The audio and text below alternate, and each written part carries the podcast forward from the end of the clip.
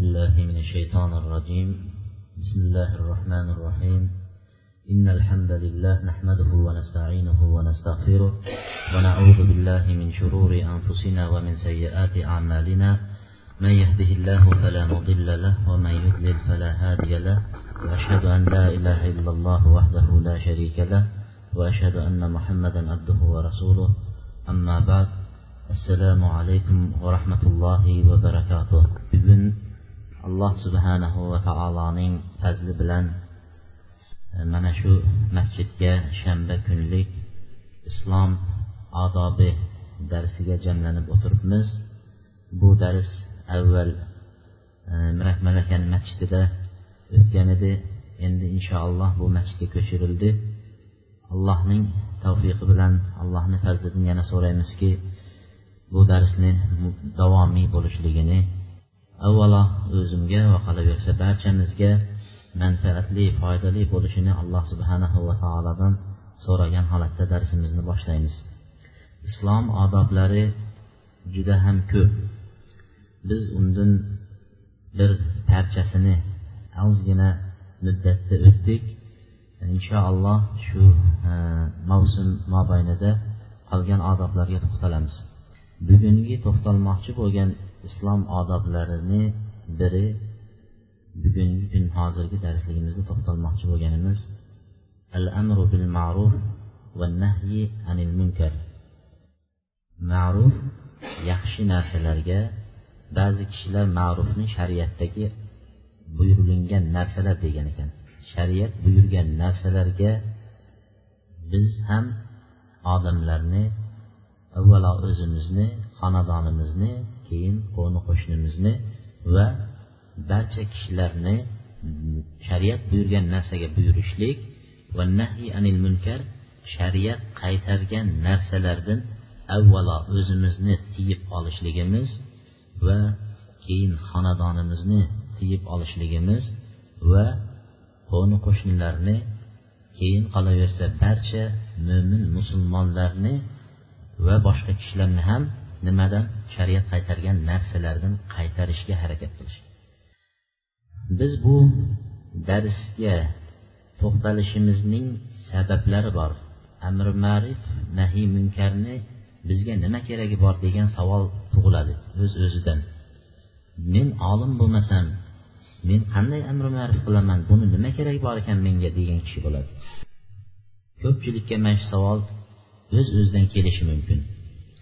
Biz bu darsga to'xtalishimizda sabablarga e, ishora qilib o'tamiz.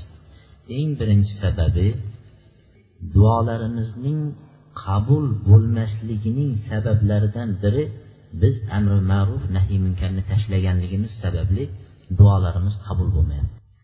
Qancha qancha kasal kishilar bor masjidlarga duo talabida xatlar yo'llayapti. Butun masjidda imomlar va muqtadiylar shu yerga namoz o'qishga kelgan kishilar barchasi qo'l ko'tarib duo qilyapti. Lekin duolarimiz qabul bo'lmayapti. Musibat tushgan kishilar bor duo talabida kelyapti. Lekin qo'llarimizni ko'tarib duo qilyapmiz duolarimiz qabul bo'lmayapti. Shuning eng birinchi sabablari mana shu amri ma'rufni tashlashlik degan ekanlar.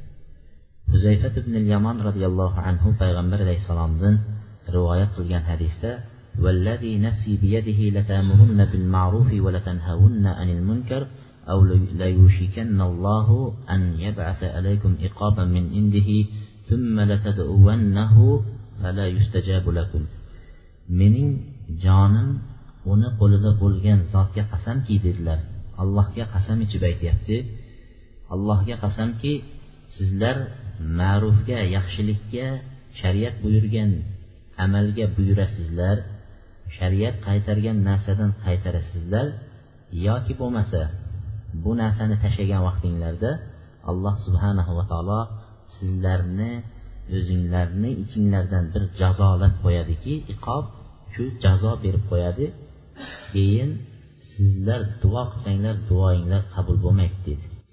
Yana ba'zi rivoyatlarda sizlarni eng yaxshilaringlar duo qilsa ham duolari qabul bo'lmaydi deydi. Eng yaxshilaringlar duo qilsa ham qabul bo'lmaydi deydi. Shuning uchun hozirgi kunda qarab turib eng yaxshimiz faloncha bo'lsa kerak deb borib duo olamiz lekin o'sha duolar qabul bo'lmayapti. Bu birinchi sababi.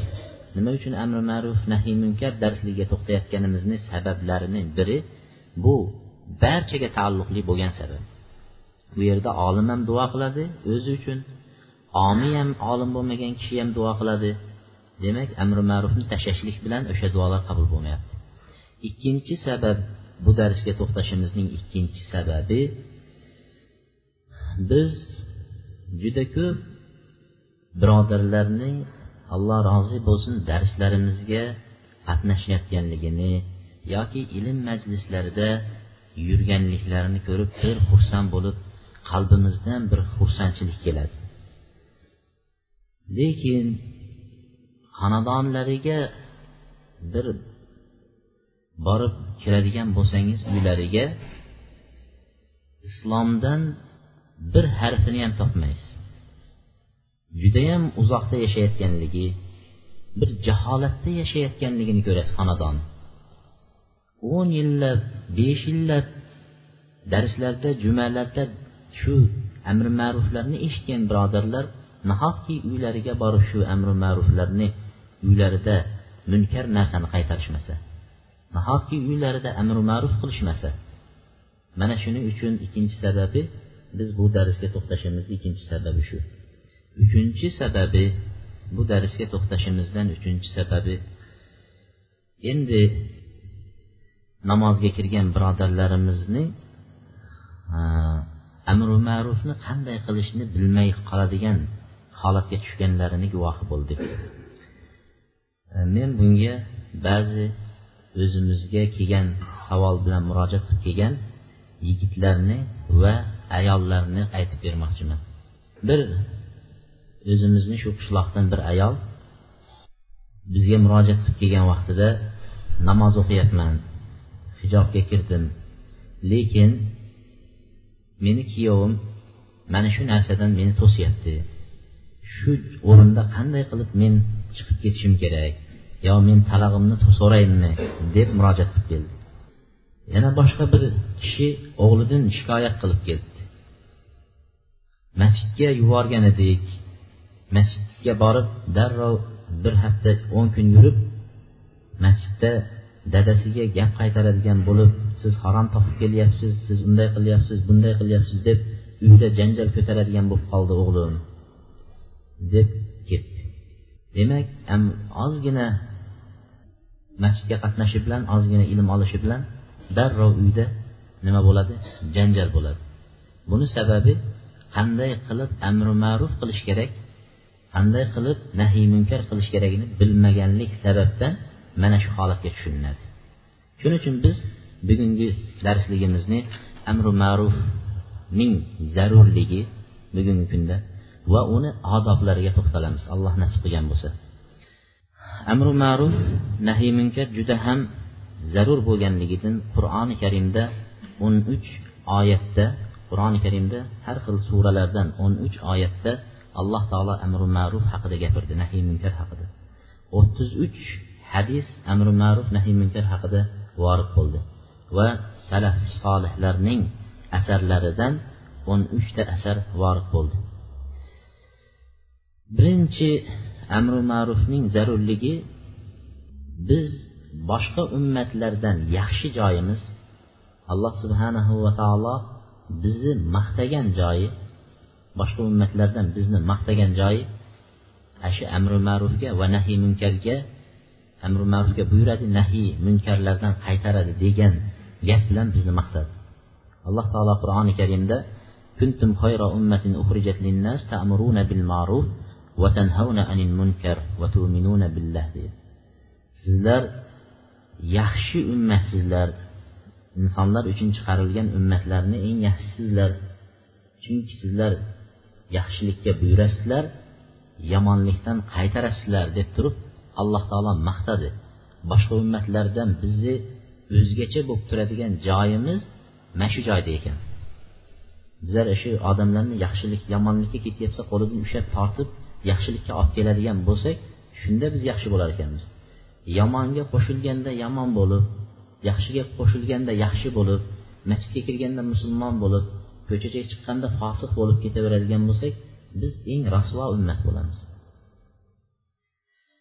Ikkinchisi alloh subhanahu va taolo o'tgan ummatlarni la'natladi la'natlashligining sababi ular amri ma'ruf nahiy munkar qilmaganligi uchun la'natladi mana payg'ambar sollallohu alayhi vasallamdan abdulloh ibn masud roziyallohu anhu rivoyat qilgan hadisda payg'ambar alayhissalom aytdiki أول ما دخل النقص على بني إسرائيل كان الرجل فيقول كان الرجل يلقى الرجل فيقول يا هذا اتق الله ودع ما تصنع eng birinchi dedi bani isroilga dedi muso alayhissalomni qavmiga. Dinini buzadigan narsa eng birinchi kirib kelgan narsa dinini buzishda kirib kelgan narsaning birinchisi dedi. Bir kishi dedi shunday bir birodariga yo'liqardida uni bir gunoh ish qilayotganini yoki o'zining shariatga muvofiq bo'lmagan bir ish qilayotganini ko'rsa ey falonchi sen shu ishni qilishdan ollohdan qo'rq deb aytardi dedi. Bu birinchi kuni yo'liqqan vaqtida shu gapni aytardi. Keyin bu senga e, senga halol bo'lmaydi shariatda bunga ruxsat yo'q deb turib uni qaytarardi deydi keyin ertasi kuniga yo'liqqan vaqtida ertasiga yo'liqqan vaqtida haligi birodari yana shu gunohni qilyapsa sekin yonida indamasdan o'tiraveradi. Kecha aytganmanu bu qilmayapti. Bunga yuz marta aytganing bilan baribir qilmaydi deb sekin yonida o'tiraveradi. Nega sherik bo'lib yeb ichib bemalol o'tiraveradi deydi. Bizni alloh saqlasin. Bugungi kunda ba'zi domlalarimiz shunaqa joylarda o'tirib shunaqa odamlar bilan o'tirib ularga amri ma'ruf qilmasdan indamay o'tirib yeb uning vazifasi faqat oxirida xudoyni oxirida bir qur'on tilovat qilib berish meni vazifam deb bilib chiqib ketayotgan odamlar allohdan qo'rqishsin. O'shan bilan birga sherik bo'lib o'tirishsin. Keyin sherik bo'lib qaytarmas edi dedi. Mana shunday qilgandan keyin alloh subhanahu va taolo ularning qalblariga mehr urib qo'ydi. Va alloh taolo mana bu oyatni nozil qildi. لعن الذين كفروا من بني إسرائيل على لسان داوود وعيسى بن مريم. ذلك بما عصوا وكانوا يعتدون. كانوا لا يتناهون عن منكر فعلوه لبئس ما كانوا يفعلون ديد بني إسرائيل قوم ديد قوم دن كافر بغن كشلر داود عليه السلام وإيسى ابن مريم من تل أرقالي لعنت لند ديد شو كشلرگه؟ الله نين لعنت بولسن ديد تلك شرگه مخلطه بولار. Tilovat qilib berishdi. Shular orqali la'natlandi ular bani isroil. Nima uchun deganlarida ular gunoh qilganlari sababli va yaqtadun tajovuz qilganliklari sababli amri ma'ruf nahiy munkar qilmaganliklari sababli. Kanu la munkar. Munkarni ko'rsa billa o'tiraverardi. Birinchi kuni qaytarardi ikkinchi kuni sherik bo'lib ketaverardi. Mana shu sabablik ular la'natlandi dedi. Ularni qilgan ishlari qandayyam yomondir deb turib alloh taolo keltirdi. Shuning uchun munkarni ko'rgan vaqtda munkar bilan birga ketayotgan birodarlarni ko'rib qolsa birodarlar bilan oppoq yaxshi iymonli kishi bo'lib borayotgan odam allohdan qo'rqishligi kerak. Uchinchi sababi amri ma'ruf nahiy munkarni zarurligini uchinchi sabablari agar yer yuzida fasod ko'paysa hubs deydi. Payg'ambar alayhissalom hubs kalimasini ishlatdi. Biz bu kalimani qayerda ishlatamiz? Tahoratxonaga kirayotganda deb aytamiz. Eng iflos narsalardan va habais shaytonlarning ham eng habislaridan panoh tilayman deb aytamiz. Eng najosat joyda ishlatiladigan narsa. Mana shunaqa najosat narsalar yer yuzida ko'paygan vaqtda dedi allohning azobi hammaga bir xil keladi dedi biz masjiddagi odamlarmiz. Ko'chadagilar gunoh qilyapti. Inshaalloh bir nima bo'lsa ularga keladi shu gunoh sababli deb qolmaylik. Bu azob allohni azobi keladigan bo'lsa ko'chadagilar ham masjiddagilar ham hammasi birga ketishadi. Shuni noman ibn bashir roziyallohu anhu payg'ambar alayhissalomdan rivoyat qilgan hadislarda masalul qoim ala hududillah val vaqi fiha dedi. Allohning hududlarida ya'ni shariat yo'lida mahkam yurgan kishilar bilan shariat yo'lini paymol qilayotgan kishilarning misollari dedi. Xuddi bir kemaga minishgan vaqtida kema ikki tabaqadan iborat pastki tabaqasi va tepa tabaqasi bo'lgan kemaga minishadi.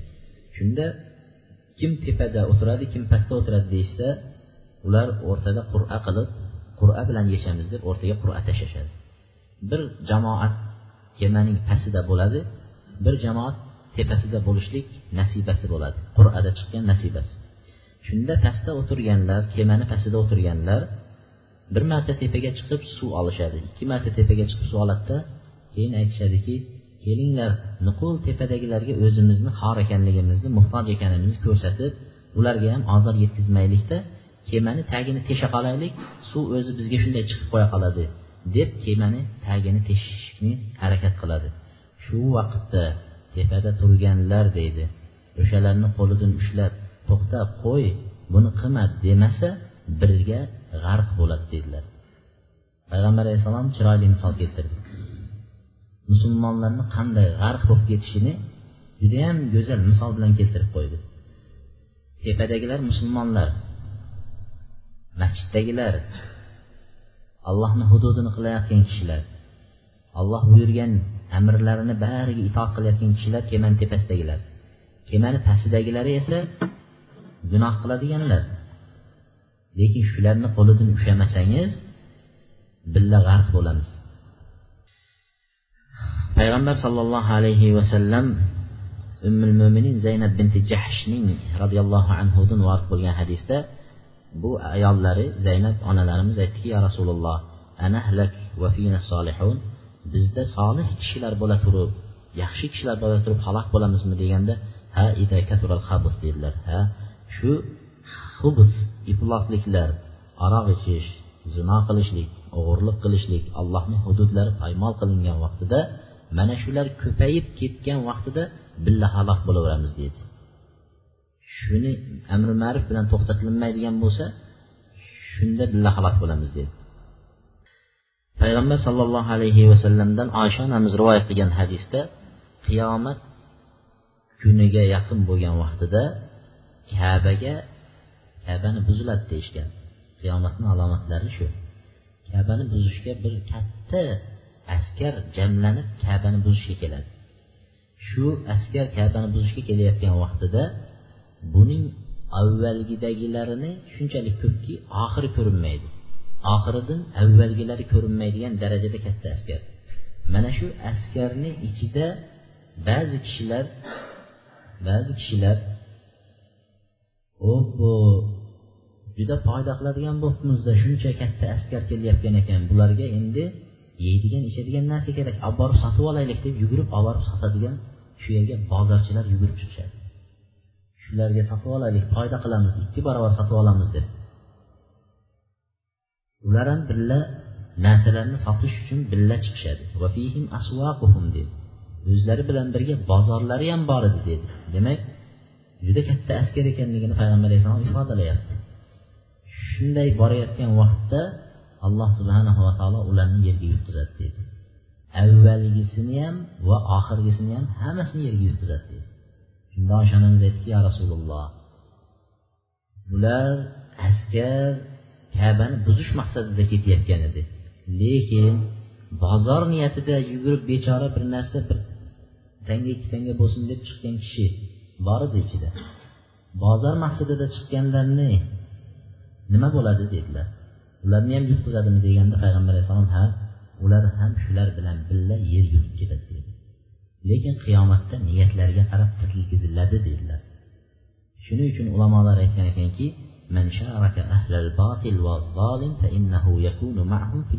degan. Kim gunohkorlar bilan birga sherik bo'lsa dunyoda va zolimlar bilan osiylar bilan birga bo'lsa ular azobda shular bilan sherik bo'lib ketaveradi dedi. Bu yerda qarab o'tirgani yo'q haligiga shuning uchun ozgina bayramlar bo'lib qoladigan bo'lsa biz ham shu bayramlardan foydalanib olishga harakat qilamiz. Gunohlar ko'payadigan bayramlarda ham biz ham shunga sherik bo'lib qolishga harakat qilamiz. Shu narsalarga ahamiyat berib qo'yish kerak.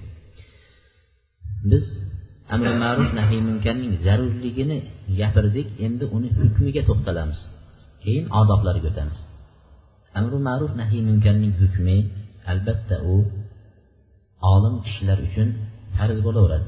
Lekin omma uchun ichidan olimlar turib amri ma'ruf nahiy munkar qilsa katta katta ishlarda deydi boshqalardan soqit bo'ladi farz kifoya bo'ladi degan.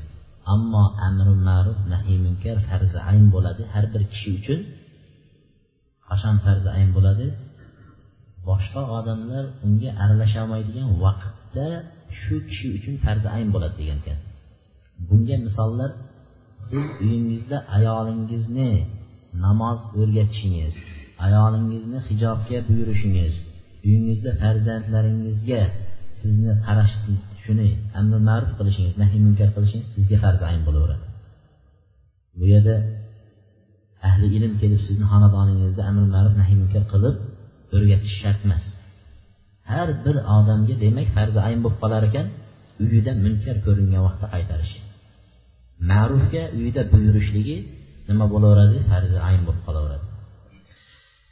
Odoblariga to'xtaladigan bo'lsak anas ibn malik roziyallohu anhu aytgan ekanlar payg'ambar alayhissalotu vassalomga aytilingan ekan amri ma'ruf nahiy munkar qachon tark qilinadi qachon to'xtatiladi tark qilinadi qilinmay qo'yadi? deganlarda agar sizlarda avvalgi ummatlarda topilgan narsa topilsa shu vaqtda amri ma'ruf qilinmaydi nahiy munkar qilinmaydi degan ekan. Avvalgi ummatlarda nima narsa topilgan? Avvalgi ummatlarda qaysi narsa topilgan deganlarida aytgan ekanki al mulku fi sig'orikum val fahishatu fi kibarikum val ilmu fi ridalikum degan ekan. Mulk degan ekan. Yoshlarni qo'liga o'tgan vaqtda amri ma'ruf nahiy munkar qilinmaydi. Mulk yoshlar puldor bo'lib qolgan vaqtida amri ma'ruf nahiy munkar tashlanadigan vaqt keladi.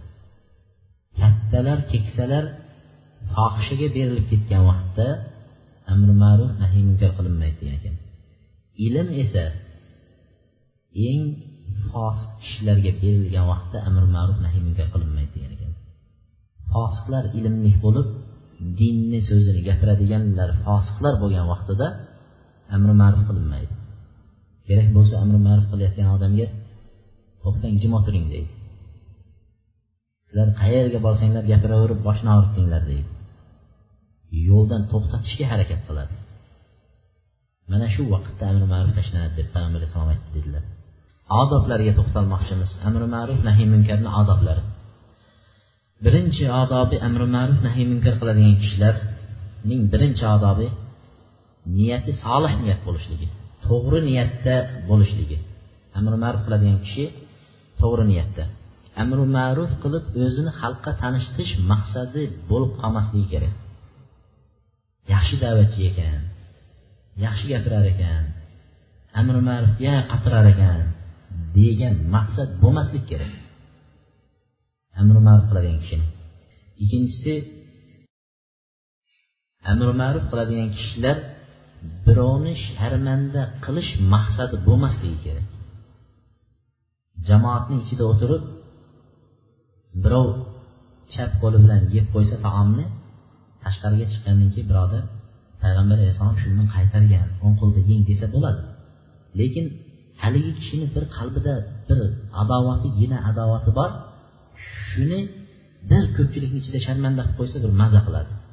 Haligi o'tiradida ey faloncha siz o'ng qo'lda yeyishni ham bilmaysizmi? Chap qo'lda shayton yeydi deb bir shuni aytgan vaqtda bir maza qiladi. Mana shu odobga durust emas amri ma'rufni odobiga durust emas birovni sharmanda qilish maqsadi bo'lmasligi. E, Ummi dardo roziyallohu anhu aytgan ekanlar man vaada akahu sirran faqad zana. Kim birodariga sir maxfiy holatda vaz qilsa degan ekanlar ko'pchilikni ichidan tashqariga olib chiqib maxfiy o'ziga yolg'iz holatda vaz qilsa nasihat qilsa faqat zana uni degan judayam yaxshi qilibdi to'g'ri nasihat qilibdi deganlar. Kim ko'pchilikni ichida nima qilsa nasihat qilsalar faqat va shana degan. Uni sharmanda qilibdi va uni ayblarini ochibdi degan.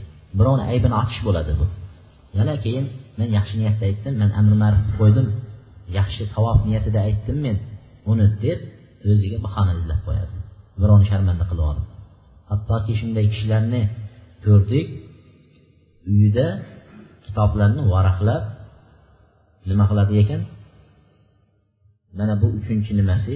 Amr ma'ruf qilayotgan kishi amr ma'ruf qilsa bir odam amr ma'ruf qiladigan bo'lsa endi o'shani xatosini topishga o'tadi. Nimani gapirdi deydi. Mana shunday gapirdi desa xato aytibdi deydi. Mana bu yeri xato ana bu yeri xato deb xatolarni izlashga o'tadi. Maqsadi o'shani xatosini axtarish. Yoki bo'lmasa gapirib bo'lgandan keyin unga savol berib turib uni o'sha yerda javob berolmaydigan bir qiyin savolni topib kelib shunga savol berish maqsad bo'ladi. Biz ko'rgan narsa bir kishi domlalarni ichida uyida kitob varaqlab har odam o'zini ko'rgan kitobini varag'i esida qoladi. Shu bir chekkada yotgan masalalarni topib kelib bir bittasiga aytib qo'yar ekan shu masalani falonchaga berasan der ekan. U javob berolmagandan keyin menga berasan der ekan. Haligi savol bersa haligi javob berolmaydi.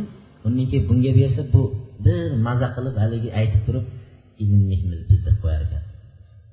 Amri ma'ruf nahiy munkar bunaqa bo'lmaydi. Oldindan tayyorgarlik qilib kelib birovni sharmanda qilish maqsadi unaqa bo'lmaydi. Shuning uchun amri ma'ruf nahiy munkar qilayotgan odamda solih niyat alloh uchun solih xolis niyat bo'lishligi o'zini ko'rsatishlik bo'lmasligi kerak. Shotibiy rahmaulloh aytgan ekanki axirul ashya nuzulan min qulubis solihin va tasaddur. Oxirgi solih kishilarni qalbidan oxir tushadigan narsa degan oxiri solih kishilarni qalbidan tushadigan narsa shuhrat qozonishni yaxshi ko'rish deydi. Odamlar ichida obro' qozonish shuhrat qozonishni yaxshi ko'rishlik shuning uchun birovni amri ma'rufidan birovni qaytargan nahiy munkarlaridan birovning da'vatidan xato topishlikka harakat qiladi. Ikkinchisi amri ma'ruf nahiy munkarning odoblarini ikkinchisi buyurayotgan ma'ruf yaxshi narsaga buyurayotgan narsasini va qaytarayotgan narsani nima ekanligini o'zi yaxshi bilishligi dalillari bilan yaxshi bilishligi. Bizda ikkita odamlar shunda ikkita qismga bo'lingan. Amri ma'ruf nahiy munkar qiladigan odamlar ikki qismga bo'lingan. Birinchi qismi men olim emasman mutlaq amri ma'ruf qilishlikka haqqim yo'q deb umuman og'zini ochmaydi lomin deb og'zini ochmaydi uyiga kirsa ham ustunday kirib ustunday chiqib ketaveradi. Munkarni ko'rsa ham gapirmaydi. Mana shunday yuraveradi. Bu ham xato. Hech bo'lmaganda uydagi bo'layotgan munkar narsani qaytarish kerak. Ikkinchi qismi ikkinchi qismi. Hech qanday o'zida ilmi yo'q. Lekin nuqul amri ma'ruf nahiy munkar qiladi. Hech qanaqa o'zida ilm yo'q. Bu ham xato. Ikkalasining amali nima bo'ladi? Ko'p zarari ko'proq bo'laveradi deydi. Shuning uchun sufyon tavriy roziyallohu anhu rahimaulloh aytganlar la yamur bil ma'ruf va la yanha anil munkar illa man kana fihi khisal salat. Ma'rufga buyuradigan munkardan qaytaradigan kishida uchta narsa topilmasa qilmasin degan. Uchta narsa topilmasa qilmasin deganlar. Uni uchta narsa birinchisi buyurayotgan narsasida va qaytarayotgan narsasida rafiq muloyim bo'lishligi. Muloyim bo'lishligi. Buyurayotgan narsada qaytarayotgan narsada muloyim bo'lish biz bir vaqtlari domlalarimizdan biriga savol bo'lgan. To'qson to'qson beshinchi yillar to'qson uchinchi yillarda bir bola meni dadam bir joyda ishlaydi. Shu zavoddan har kelganda bitta bitta turba ko'tarib keladi. Shu turbalar orqali uyimizga suv kirgizilgan. Shu suvda e, shu turbadan kelayotgan suvda tahorat qilsam bo'ladimi? Yo'qmi deb. Ya'ni bu amri ma'ruf nahiy munkarni chiroyli uslubi emasda. Hozir biz yana kelamiz e, o'sha nimalarga. Kelib dadasi bilan urushadigan uslublarni biri shu bo'ladi. Rifq bo'lishlik muloyim bo'lish. Muloyimligini payg'ambar alayhisalotu vassalomni misollariga qaraylik. Bir kuni payg'ambar sallallohu alayhi vasallam mana shunday masjidda o'tirgan edilar. Lekin madinada payg'ambar alayhissalom masjidida o'tirganlarida tasodif hamma shunday o'tiribdi. Toza masjid tasodif bir arobiy sahroviy kishi kirdida masjidga bavul qildi peshob ushatdi sahobiylar iye iye nima qilyapti? deb o'rnlaridan turib darrov haligini ushlab odob berib qo'ymoqchi bo'ldi. Payg'ambar alayhissalom davuhu dedilar. Tegmanglar qo'yib qo'yinglar dedi. To'liq peshobini tugatguncha tegmanglar dedi. Bo'lganidan keyin endi nima qildi? E, mana shuni nimasiga dedi? Ariqu ala bavlihi sajdan mimma dedi o'shaning bavl qilgan joyiga bir chelak suv to'kinglar toza bo'ladi dedi. Keyin haligi arobiyni chaqirib masjidlarda mana bunday ishlarni qilishlik durust bo'lmaydi deb turib tanbeh berib qo'ydi. Birinchidan bu arobiyni islomga yanayam moyil bo'lishligiga bir sabab bo'ldi. Ikkinchidan agar shu yerda nima qilganida u yanayam masjidni ko'proq joyini qochib najosat qilgan bo'lardi. Uchinchidan davr qilayotgan odam davrini tugatmasdan to'xtatadigan bo'lsa u zararlanishi mumkin ekan badaniga unga zarar kelishi mumkin. Mana shuncha narsa uni oqibatda turganini payg'ambar alayhissalom sezib unga muloyimlik bilan nima qildi? Muomala qildi. Keyin aytdilarki deydi sizlar odamlarga yengillatib berish uchun yuborilgansizlar ularga og'ir qilib mashaqqat qilib berish uchun yuborilmadinglar dedi. Yengillikni ko'rsatinglar deb qo'ydi. Arzimagan bir narsa uchun katta mojaro chiqarib shovqin suron qilib o'tirishni hojati yo'q degan ma'noni bildiradi. Payg'ambar sollallohu alayhi vasallamdan abi umama roziyallohu anhu rivoyat qilgan hadisda payg'ambar alayhissalomni muloyimligiga biz misol keltiryapmiz. Da'vatda amri ma'ruf nahiy munkarda muloyimligiga misol bir yigit sahobiylar bilan payg'ambar alayhissalom o'tirganda bir yigit kirib keldida ya rasululloh dedi. Dedi. Menga zino qilishga ruxsat berasizmi dedi. Bir yigit kirib kelib menga zino qilishga ruxsat berasizmi dedilar. O'tirganlar darrov o'rnidan turib baqirdi haliginga qarab. Chunki hamma biladi zinoni harom ekanini. Darrov nima qildi? Javob berisha boshladi. Payg'ambar alayhissalom aytdiki uni menga yaqinlashtiringlarchi dedi. Haligi kishini yaqinlashtirganlarida o'tiringchi dedilar. Payg'ambar alayhissalom oldilariga o'tqizganlaridan keyin aytdilarki siz zinoni onangiz bilan qilishga qilishni yaxshi ko'rasizmi dedilar. Shunda haligi kishi la ya rasululloh ya rasululloh nima deyapsiz?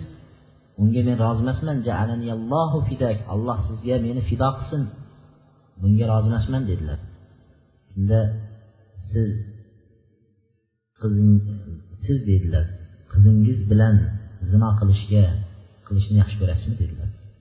Haligi kishi yana o'rinlaridan irg'ib turdi. Keyin payg'ambar alayhissalom yana aytdilarki opalaringiz bilan ammangiz bilan xolangiz bilan bitta bittalab so'radi. Har bittasida haligi kishi yo'q derdilar. Shunda payg'ambar alayhissalom aytdiki bular ham dedi birovlarning onalari birovlarning qizlari birovlarning opalari birovlarning singillari ammasi xolasi ular ham bu narsaga rozi bo'lmaydi dedilar. Keyin qo'llarini haligi kishini ko'kraklariga qo'yib duo qildilar. Allohimma tahhir qalbahu vag'fir zamba va hassin farja. Qalbini pok qil va gunohini mag'firat qil va farjini avratini o'zing himoya qilgin. Zinolardan fohishadan himoya qilib saqla dedi. Deb duo qildilar.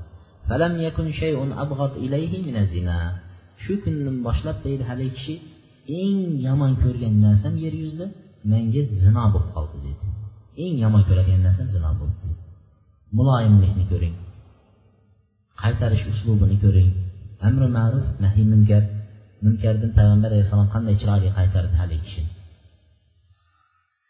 روى مسلم عن معاوية ابن الحكم السلمي حدثنا يوما فقال ma shu kishi aytyaptilar muaviya ibn hakam aslamiy degan kishi aytadi bir kuni men payg'ambar alayhissalom bilan birga namoz o'qiyotgan edim deydi. Birdan namoz o'qiyotgan vaqtimizda bir kishi aksa urdi deydilar. Aksa urdi. Afshurdi deymiz. Shunda haligi kishi endi namozga hali ahkomlarni bilmaydi uncha o'rganmagan. Nima dedilar? Yarhamkalloh deb qo'ydilar. Namozda turib yarhamukalloh deb haliginga aytdi. Qarasam deydi bari odam namozdagi odamlar menga deydi tikilib ko'zlarini hali teshib yuboradiganday qarayapti deydi. Ramoni degani shunday ko'z bilan teshib yuboradigan darajani aytilinadi shunda haligi kishi qarab turdida va sakala ummahatikum? Onalaringlar yo'qotsin nima bo'ldi dedi.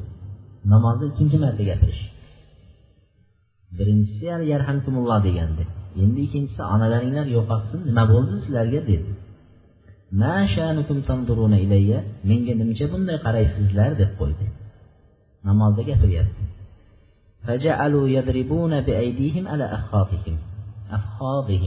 Qo'llari bilan sonlariga urib meni to'xtatishga harakat qilishdi.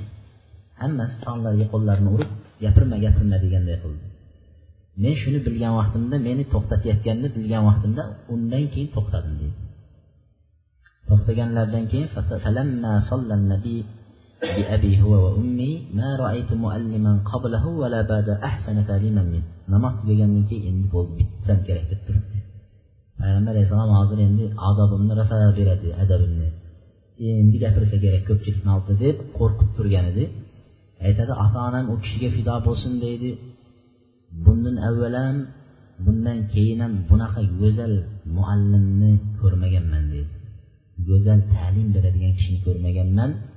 Ma kaharani vala zarabani vala shatamani. Bir og'iz so'kmadi ham urishmadi ham koyimadi ham aytdilarki إن هذا الصلاة لا يصلح فيها شيء من كلام الناس إنما هو التسبيح والتكبير وقراءة القرآن وaytdiki bu namoz dedilar bu namoz bunda bunaqa amallar durust bo'lmaydi dedi balki bu namozda tasbeh takbir qur'on o'qishlik durust bo'ladi deb qo'ydi boshqa narsani aytmadi faqat shu kalimani aytib qo'ya qoldi mana shuni aytganidan keyin haligi kishi aytyaptiki men bunaqa muallimni ko'rmagan edim deydi. Ko'rdingizmi qanday muloyim da'vat qilish masjidga bolalar kelib qoladigan bo'lsa sal ovozi chiqib qolsa sal shovqin qiladigan bo'lsa darrov namozdan keyin ba'zilar namozni ham buzib oladi. Buzib haligi quvib chiqishga harakat qiladi. Chiroyli go'zal qilib da'vat uslubini qo'llashimiz kerak. Amri ma'ruf chiroyli bo'lishi kerak. Ikkinchisi biz yuqorida sufyon savriy roziyallohu anhu aytgani ikkinchisi birinchisi rifq bo'lishi kerak deydik rifqqa yana misollarni aytaylik. Vaiz bir amri ma'ruf qiladigan kishilardan biri da'vatchilardan biri deydi.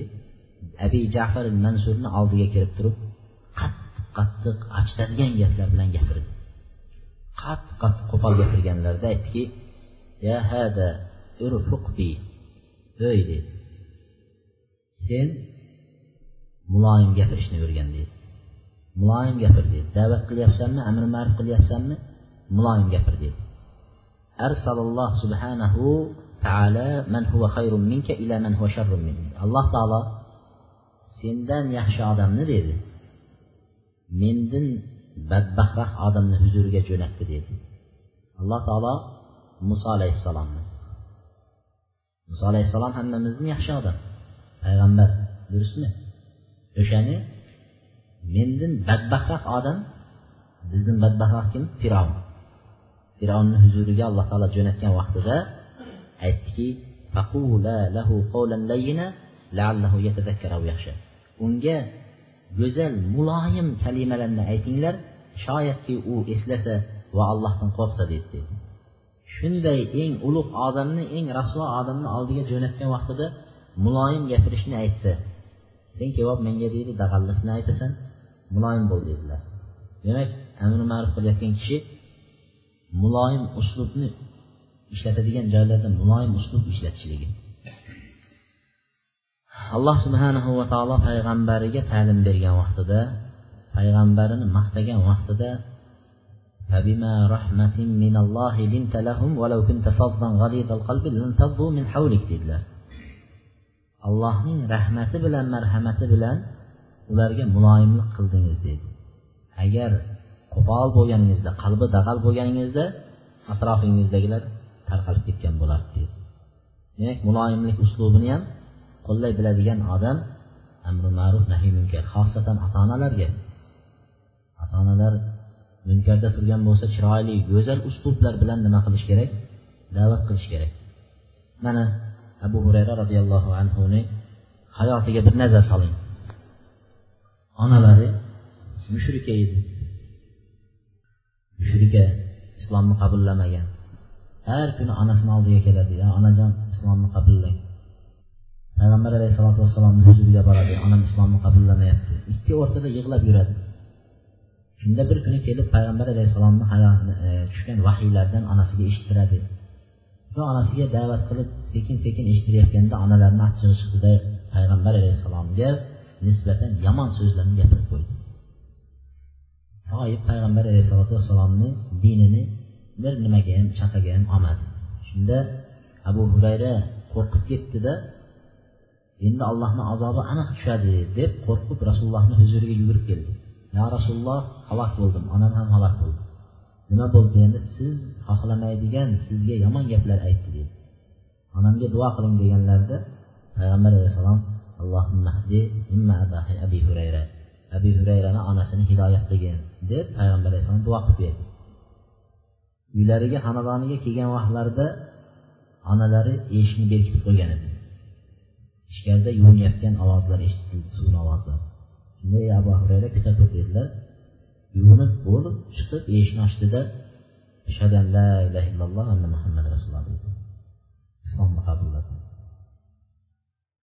mana shunaqa mushrika bo'lsa payg'ambar alayhissalom so'kkan vaqtida ham tashlab ketib qolmadi. Duo qildi. Oxirgi lahzagacha ham duo qildilar.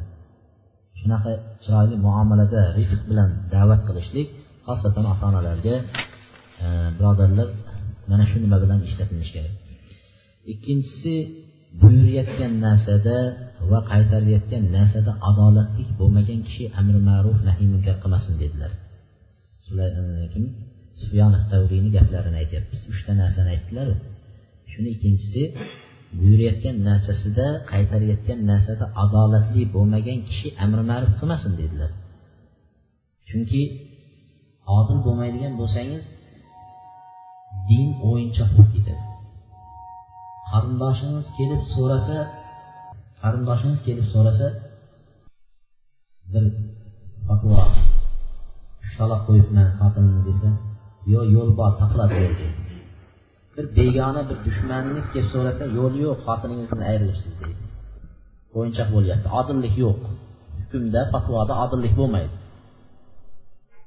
Begonalarga qalbingizga yoqmagan odamni xohlaganni boyagi dindan chiqarib uniga yo'l topib bermaydi o'ziga xohlamay e, o'ziga xohlagan yaxshi ko'rgan odamga darrov nima topib beradi? Yo'l topib beradigan bo'lib qoladi. Odil bo'lmasa. Payg'ambar sallallohu alayhi vasallam adolatiga qaraylik. Bir kuni mahzumiya qabilasidan bo'lgan ayol o'g'irlik qildi va qo'lga tushib ushlanib qo'li kesiladigan bo'ldi. Qo'li kesiladigan bo'lgan vaqtida shu qabila odamlari hozir vaqtda ham odamini amallab qutqarib olishga harakat qilinadi. Shunga o'xshab payg'ambar alayhissalotu vassalomga yo'l axtarishdi. Qanday qilsak payg'ambar alayhissalom shuni mayli qo'lini kesmanglar desa kesilmay qoladi deb yo'l axtarishdida usoma ibn zaydni topishdi.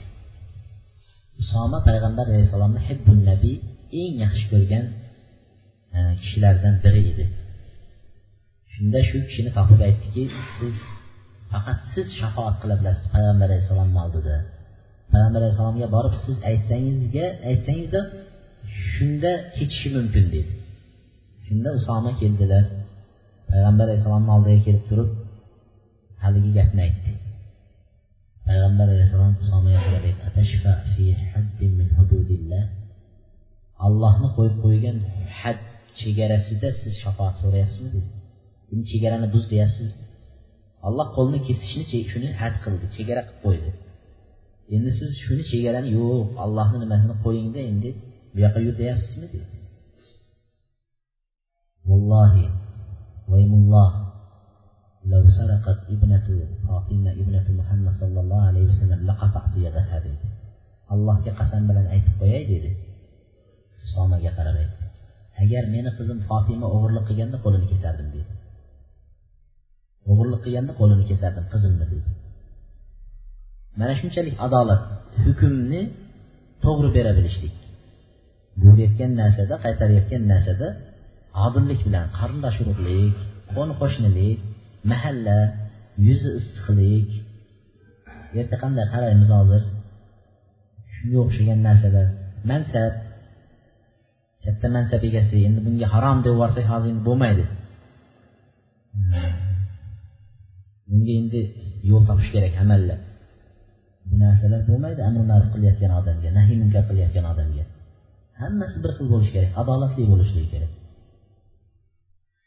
Uchinchisi buyurayotgan narsani va qaytarayotgan narsani olim ilmli bo'lmasa aqalli shay o'sha burayotgan narsada va qaytarayotgan narsada ilmi bo'lishligi kerak.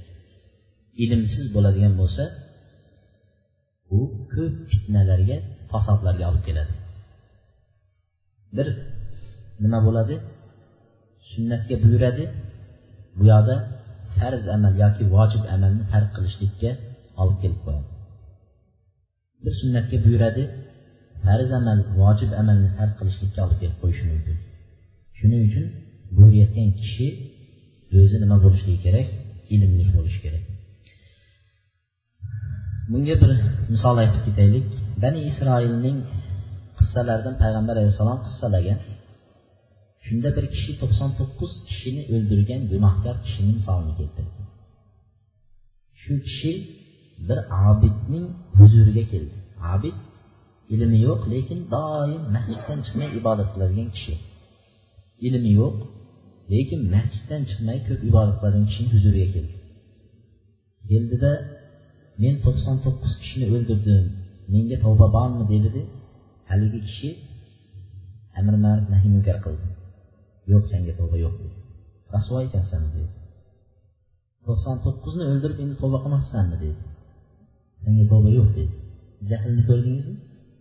Johillikni jahillik ikki narsada jahillik qilyapti. Haligi kishi achchig'i chiqdilar o'ldirib qo'ydi. O'z nafsiga jahillik qildi. O'z nafsiga nima qildi? Jahillik qildi. Ana aytmaganda o'limdan saqlangan bo'lardi. Ikkinchisi alloh taoloning g'afurur rohim kechiraman degan ismi sifatiga nima qildi? Bu tajovuz qilib qo'ydi. Olloh kechirmaydi deydi uni aytishga hech kimni haqqi yo'q. Olloh kechirmaydi deb aytishga. Biz shu yerda yana boshqa hadisga to'xtalib ketaylik. Buxoriyda kelgan hadisda ikki kishini misol keltirdi. Payg'ambar alayhissalom ikki kishini misol keltirdi. Bu ham bani isroildan keltirdi misolni. Shunda biri ibodat bilan mashg'ul bo'ladigan kishi doim ibodat qilib yuradigan biri gunoh ishlar qilib yuradigan kishini misol keltirdi. Shunda haligi ibodat qiladigan kishi ikkisi ulfat do'st. Haligi sherigini ko'rsa gunoh qilayotganligini ya hada aqsir min hada ey palonchi mana shu qilayotgan ishingni to'xtat qachongacha shu gunoh qilasan deb amri ma'ruf qilardi nahiy munkar qilardi. Bir marta aytdi ikki marta aytdi uchinchisida g'azabi chiqdi deydi. Achchig'i chiqdi haligini aytdiki sen meni tekshirib yuriladigan qilib jo'natilganmisan dedi. Qachon gunoh qilyapsan? Tepama kelib orqamdan tekshirib yurasan? dedi. O'rtog'i shunaqa deb javob berganda buni ham achchig'i chiqdida aytdiki dedi. Alloh seni kechirmaydi dedi. Yana ba'zi rivoyatlarda alloh seni jannatga kirgizmaydi deydi ikkinchi rivoyat. Shu o'rinni o'zida alloh taolo ikkalasini jonini oldi. Shunda tiriltirib haligi gunoh qilgan kishini aytdi men seni o'zimning rahmatim bilan nima qildim? Gunohlaringni mag'firat qildim jannatimga kir deb aytdi haligi ibodat qilib yuradigan kishiga qarab aytdiki sen qanday tajovuz qilding meni jannatimni tortib olishga? dedi jannatga kirgizmaydi dediyu. Jannatga xo'jayin bo'lib qoldingmi dedi. Yana bir rivoyatlarda kechirmaydi degan vaqtlarda men mag'firatli kechirimli zotman sen meni ustimdan hukm yurgizmoqchi bo'ldingmi dedi. Allohni ustidan hukm yurgizmoqchi bo'ldingmi dedi. Men xohlagan kishimni kechiraman xohlaganimni kechirmayman. Bu allohni o'ziga xos sifat. Shu bilan buni do'zaxga kirgizdi shuning uchun inson ehtiyot bo'lishi kerak. Bir kalima bilan oxiratni yo'qotib qo'yish mumkin. Oxiratni bir kalima bilan.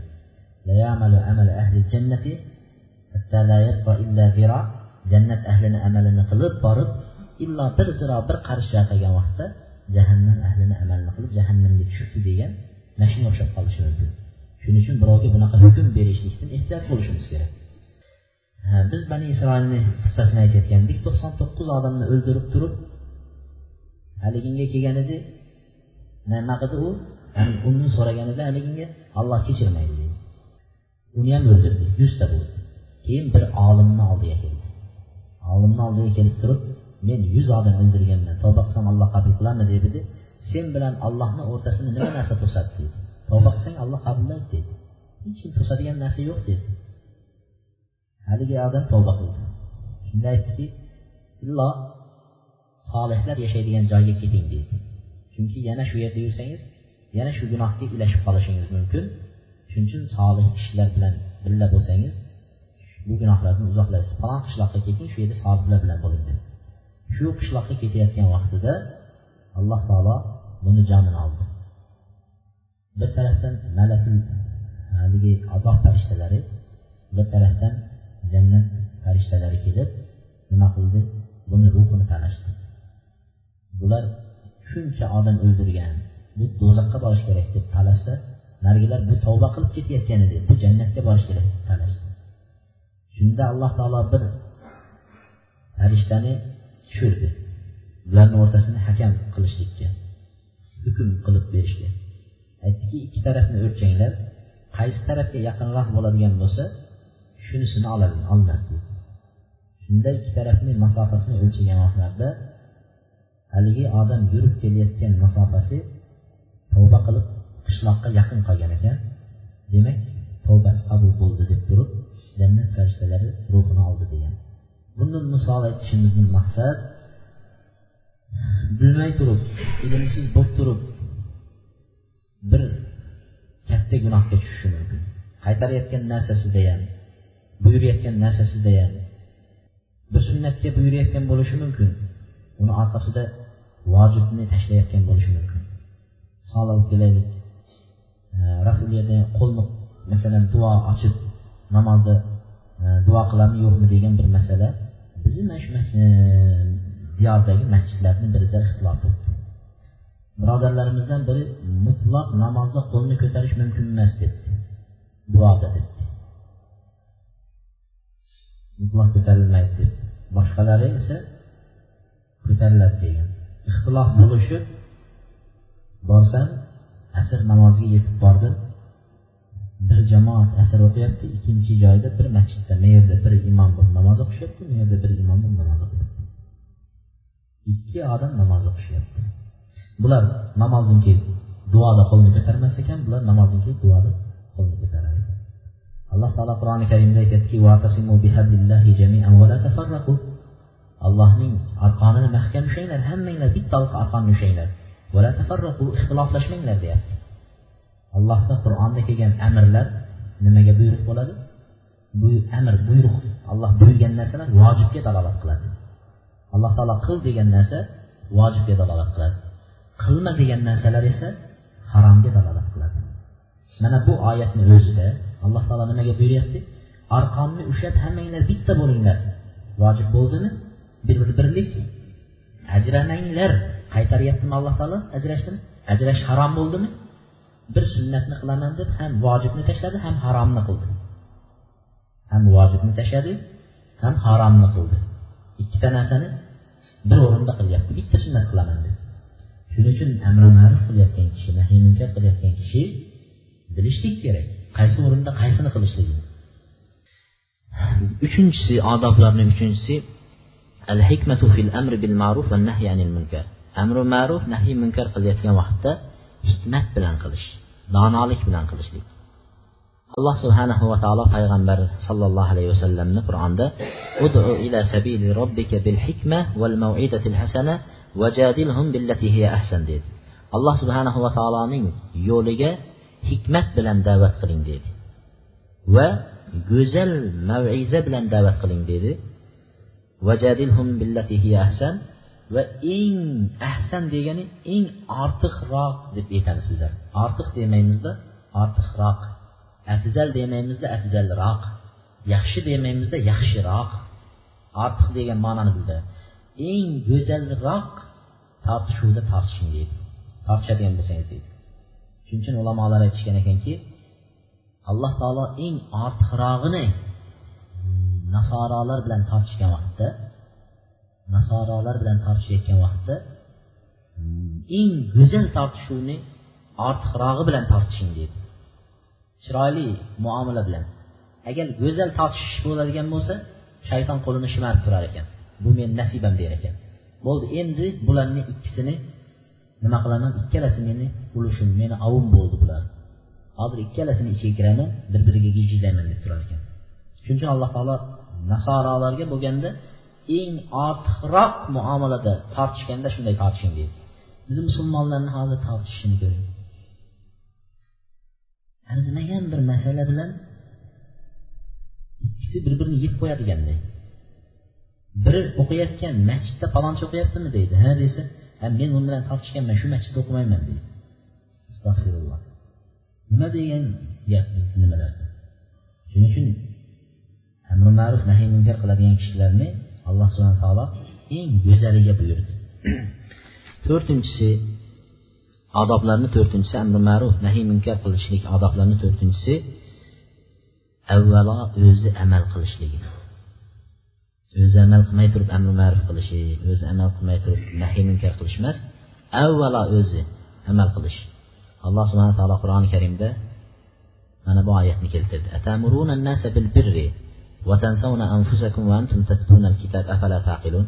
odamlarni ezgulikka chaqirib turib dedi. Yaxshilikka chaqirib turib. O'zinglarni unutib qo'ydinglarmi dedi. Odamlarni da'vat qilasiz yaxshilikka. O'zingiz qilmaysiz. O'zingiz unutdingizmi? Sizlar kitobni tilovat qilib turibsizlar vaholanki. Taqilun aqlinglarni ishlatmaysizlarmi dedi. Demak bu oyatda nimaga buyuryapti? Odamlarni da'vat qilayotgan odam o'zini esdan chiqarib qo'ymas kerak. o'zi amal qilishi kerak da'vat qilib turib o'zi qilmagan kishining oqibatini qiyomat kunida qanday bo'lishini payg'ambar alayhissalotu vassalom hadislarda aytdi يؤتى بالرجل يوم القيامة فيلقى في النار فتندلق أقتاب بطنه qiyomat kunida bir kishi olib kelinadi jahannamga tashlanadi deydi keyin nima qilinadi haligi qorni deydi oshqozonlari haligi nimada? Aylanib jahannamda chiqib qorin oshqozonlari osilib shu jahannamni ichida aylanib turadi. Xuddi haligi burungi vaqtda tegirmanni toshini eshaklarni qo'shib olib hachirlar bilan aylantirishgan ekan. Xuddi shunga o'xshab aylanib turadi deydi. Aylanib turadi. Shunda qorinlaridan osilib oshqozonlaridan chiqib uchaklari shalvirab turgan odamni oldiga kelib ey falonchi sizga nima bo'ldi? Siz dunyoda bizni yaxshiliklarga buyurardingiz yomonliklardan qaytaradingiz. Nima qilib endi siz jahannamda bunday yuribsiz degan vaqtlarda haligi kishi aytar ekanki men yaxshilikka buyurardim yomonlikdan qaytarardim lekin o'zim buni qilmas edim dedi. Oqibati shu. Payg'ambar alayhissalom buni bir misolga o'xshatgan. Odamlarni yaxshilikka chaqirib o'zi qilmaydigan kishi chiroqqa o'xshaydi deydi shamga o'xshaydi deydi sham yonib odamlarga yorug'lik beradi foyda tegadi lekin o'zi kuyib ketaveradi deydi. Shamni o'zi kuyib oxirigacha tugaydi deydi. Odamlarni yaxshilikka chaqirib o'zi amal qilmayotgan kishini misoli odamlarga yaxshilik beradiyu lekin o'zi kuyib tugaydi deydi. Xuddi shunga o'xshaydi deydi. Ba'zi ulamolar aytgan ekan ulama ussu yomon olimlar degan jannatni eshigiga o'tirib olib odamlarni jannatga gaplari bilan chaqiradi lekin fe'llari bilan jannatdan to'sadi deydi ey odamlar jannatga kelinglar deb chaqiradi lekin qilayotgan fe'li bilan odamlarni jannatdan to'sib tashlaydi deydi qanday desa bizni zamonamizda hozir bir misollar tarqaydi. Domlaning aytganini qil qilganini qilma deydi. Hamma bir gap bo'ladigan bo'lsa domlami deydi. Nimaga yomon yomon yomon fe'llar bilan yomon nima bilan odamlarni shu amalni qilishdan to'sib qo'yyapmiz yomon fe'llar bilan. Shuning uchun aytishganki jannatga ular kiradigan e, yaxshi bir amalni qilay desa haliginga qarab turib shumi bizga o'rnak bo'layotgan qo'y shundan ko'ra uni qilmaganimiz yaxshi deb qilmay ketishib qoladi. Shuning uchun fe'llar bilan jannatni to'syapti bular yomon olimlardir degan. Endi tanbeh deb ketishgan ekan. Tanbeh ogohlantiruv deydi endi ba'zi odamlarni biz aytdikki o'zing qilmayotgan narsaga buyurma dedik. Lekin bu yerda haligi oyatda alloh taolo nima dedi? Sizlar odamlarni ezgulikka buyurasizlarda o'zinglarni unutasizlarmi degan joyda ibn kasir aytgan ekanki bu amri ma'ruf qilma degani emas deyapti. Amri ma'ruf qilma deb qaytarish emas bu. Bu nimaga dalolat qilyapti? Amal qil demoqchida. O'zing ham amal qil demoqchida oyatda. Demak bundan chiqadi o'zi amal qilmayotgan kishi amr ma'ruf qilsa bo'ladimi yo'qmi degan masala chiqadi. Alloh taolo qur'onda birovlarni yaxshilikka chaqirib o'zing amal o'zinglarni unutasizlarmi degani o'zing ham amal qilsang bo'lmaydimi degan ma'no kelib chiqyapti. Amr ma'ruf qilma degan ma'no kelib chiqmayapti. Shuning uchun ulamolar aytishganki bir odam gunoh ish qilsa yo bir o'zida kamchilik bo'lsa lekin odamlarni shu narsaga da'vat qilishligidan to'xtab qolmaslik kerak deydi. Ibn javziy talbisil iblis degan iblisning shaytonning vasvasalari degan bir kitobida keltiradiki bir odam gunohkor bo'ladigan bo'lsa shayton kelar ekanda sen gunohkorsan. Qanday qilib endi odamlarni nima qilasan? Da'vat qilasan. Qo'y sen endi da'vat qilmagin deb da'vat yo'lidan to'sadi deydi. Shuning uchun avvalo bizlar amal qilishga buyuramiz. Lekin ba'zi bir kichkina gunohlar boshqalar bo'lgan odam gunohi sababli nima qilmasligi kerak amri ma'rufdan to'xtab qolmasligi kerak. Beshinchi odobi amri ma'ruf nahiy munkar qilayotgan odam odamlardan ta'magarchilikni keskin uzib tashlash kerak.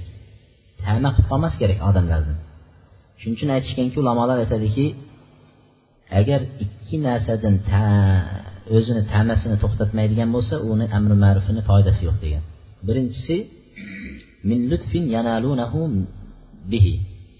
Amri ma'ruf nahiy munkar qilgandan keyin odamlar lutf ko'rsatadi ikrom lutf qilib boya odam mana shu narsani odamlardan kutib turmas kerak. Agar bir joyda ikrom qilmay qo'ysa lutf qilmaydigan bo'lsa mehribonchilik qilib valina qilmasa amri ma'ruf qilmaydi. Bu demak alloh uchun emas u. Ikkinchi ta'nasi odamlar rozi bo'lib uni maqtash. Domla aka hoji aka deb maqtasa amri ma'ruf qiladi. Maqtamasa amri ma'ruf qilmaydi. Mana shu narsalarni to'xtatishlik kerak. Chunki bunaqa sifatga ega bo'lgan odamlar odamlardan tama qilib qolgan odam haqni gapira olmaydi. Haqni gapirolmaydi hali maqtab qo'ygandan keyin bir odam buni nimasini nima qilolmaysiz zarariga hujjat aytolmaysiz al ehson lisan degan arablar. Ta'ma qilasiz bir odam sizga ehson qiladi yo bir e, pul beradi yo bir narsa qiladi. Ehson tilni kesadi deyishadi arablar. Ehson tilni kesib qo'yadi. Bir odamni tana qilib bir narsani olib qo'ygan bo'lsangiz endi haq kelgan vaqtda ham u odamga yuziga aytolmaysiz u odam kelib bir masala so'rasa doim shuni foydasiga yechib berishingizga to'g'ri kelib qoladi. Shuning uchun ulamolar aytadi ibn rajab hambali aytadiki hatto amri ma'ruf nahiy munkar qilayotgan kishi odamlardan qarz ham olmasin degan. Bizni zamonamizda hozir ayniqsa qarz olish masalasi juda qiyin bo'lib qolgan vaqtda. Avvalgi vaqtlarda endi sahobalar davrlarida unaqa nima bo'lmagan. Lekin bizni vaqtimizda juda qiyin. Qarz berib qo'yadigan bo'lsa juda o'tkazib qo'ydik har narsani nima qilib qo'ydik degan e'tiqod bo'ladi. Shuning uchun ana shu haqni gapirishga to'siq bo'layotganligi uchun ulamolar mana shu narsani qilmasin deyishadi.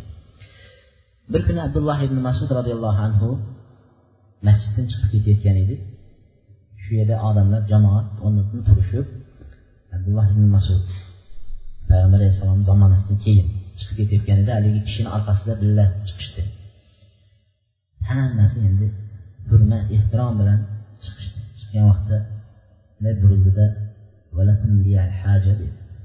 manda ishinglar bormidi? dedi. Deganida haligilar aytdi yo'q yo'q taqsir siz endi payg'ambar alayhissalomni sahobalaridan allomalardan qurro qur'onni eng yaxshi biladiganlardan siz yoningizda yurishingiz yurish bizga bir fazilatda bir deb nima qildi deganda aytdiki tez orqanglarga qaytinglar tez qaytinglar فإنه فإنه فإن هذا فتنة للمتبوع مذلة للتابع deydi bu matbu ergashayotgan odam uchun fitna deydi Mani fitnaga qo'yasizlar deydi. Darrov qalbima mana odamlarni ko'rdingmi? Menga ergashib qanday nima qilyapti? degan narsa keladi deydi. Mani fitnaga qo'yasizlar? O'zlaringni xorlashmasmi? deydi. Yonida egashib yurib mana shunaqa qilib yurish xorlik emasmi deydi. Undan ko'ra tez qaytinglar deydi. Ozgina ham tamaga o'rin qo'ymayaptida. Odamlardan tama qilishga o'rin qo'ymadi. Oltinchi odoblari amri ma'rufning oltinchi odoblari ixtiyor vaqtil munosib. Munosib vaqtni tanlash. Amri ma'ruf uchun munosib vaqt. Dadangiz g'azabi chiqib turgan vaqtda kelib turib amri ma'ruf qilinmaydi hurmat ehtirom bilan qilinishligi kerak. Yoki bo'lmasa bir odam g'azabi bir odam bir odam bilan urushib turgan vaqtida kelib turib amri ma'ruf qilinmaydi. Yoki o'zingizni g'azabingiz chiqib turgan vaqtda ham amri ma'ruf qilmaysiz. Chunki payg'ambar alayhissalom aytdiki bir qozi odam hukm chiqarayotgan vaqtda g'azabi kelib turgan vaqtida hukm chiqarmasin deydi. G'azabi kelib turgan vaqtda hukm chiqarmasin. Chunki u g'azab ustida yo to'g'ri yo xato hukm berishi mumkin. Shunga o'xshab biz ham g'azabimiz chiqib turgan vaqtda amri ma'ruf qilmasimiz kerakda. Biz aytib qo'yadi rosa achchig'im chiqib turganda uchrab qoldi rosa rasvosini chiqardim deb qo'yadi. Hamma ma'ruf qilib deydi. Faxrlanib qo'yamiz. Achchig'im ustida uchramabdida deymiz yomon qilardim deymiz mashaalloh amr ma'ruf qiladigan da'vatchilarimiz achchiqni kutib turadi. Yomon qilib yuborish uchun. Bundan saqlanish kerak. Yettinchisi muroatu tadarruju fi uslubil inkar. Inkor qilayotgan vaqtingizda ya'ni bir narsani qaytarayotgan vaqtingizda nimani e, qilish daraja daraja. Sekin sekin o'z pog'onasi bilan qilish. Qo'lingiz bilan inkor qilishga kuchingiz yetsa qo'lingiz bilan to'xtating. Payg'ambar alayhissalom aytdiki kim deydi kim bir munkarni ko'rsa qo'li bilan olib tashlashni imkoni bo'lsa qo'li bilan qilsin deyapti. Agar unga kuchi yetmasa tili bilan unga ham kuchi yetmasa qalbi bilan. Pag'ona pag'ona bo'lyapti va bu eng abaful iymon iymoni zaif kishini qiladigan deydi bizlarda ikkita xato bo'ladi. Bir xato payg'ambar alayhissalom qo'ling bilan inkor qil degan deb turib shu yerda janjal to'polon boyagi bir narsani olib sindirgan qo'l bilan inkor qilish maisha ekan deb qiladi. Qo'l bilan inkor qilishlikni ba'zi ulamolar bu podshohlarniki degan ekan. Hamma odam qo'l bilan qilolmaysizda birovni xudoyiga kirsangiz aroq turgan bo'lsa yo to'yida olib aroqlarni sindirib chiqing shu chetda nima bo'ladi? Ammo podshohlar inkor qilsa bu durust bo'laveradi. Hech kim to'polon qilolmaydi endi til bilan qilish endi kuchingiz yetmaydi til bilan aytasiz. Hozirgi vaqtimizga o'xshab. Til bilan ham kuchingiz yetmaganda qalbingiz bilan yomon ko'rib shu majlisdan turib chiqib ketishlik. O'sha majlis tugaguncha o'tirib rozi qilib ha desa xafa bo'lib qolmasinda qarindosh biznikiga kelgan xudoyni to'yda bo'lgan boshdan qilgisi deb o'tiraverish ham bo'lmaydi. Eng iymon bu eng oxirgisi iymonning eng zaifi shu deydilar payg'ambar alayhissalom. Bu tadarruj bilan ya'ni nima bilan? Pag'ona pag'ona inkor qilish. Birdan tepadan boshlamang. Sakkizinchi odobi u bil ahammi fal muhim. Zarur bor. Undan ham zarurrog'i bor. Inkor qilishlik uchun zarur narsa bor undan ham zarurroq qay biridan boshlaymiz? Undan ham zarurrog'idan boshlaymiz. Misoli bir odam ham aroq ichadi ham sigaret chekadi. Sigaret chekma deb boshlaymizmi yo aroq ichma deb boshlaymiz? Aroq ichma deb boshlaymiz. Undan ham zarurroq bir odam ayoli namoz o'qimaydi va hijob ham kiymaydi. Qaysinisidan boshlaymiz? Hijobdan boshlaymizmi namozdan boshlaymiz. Chunki u namoz o'qisa keyin hijob tezroq kiyishga sabab bo'ladi. Alloh taolo namoz fohisha va munkar narsalardan odamni qaytaradi degan. Sekin sekin boshlanadi. Demak eng zarurrog'idan boshlanadi amri ma'ruf keyingisi to'qqizinchi odobi al isror bil inkor amri ma'ruf qilayotgan kishi sir qilishligi boya tepada aytdik. Maxfiy sir qilib aytishligi. Chunki sir qilingan narsa doim ijobat qilishga yaqin bo'ladi. Maxfiy qilib o'zini chaqirib yolg'iz o'zini mana shunaqa qildingiz shu yaxshi emas deb aytsangiz tez ijobat qiladi. Ko'pchilikni ichida aytsangiz shayton keladida qalbiga qara seni deydi. Nima qildi deydi. Inkor qilib qabul qilmaydi ko'pchilikni ichida.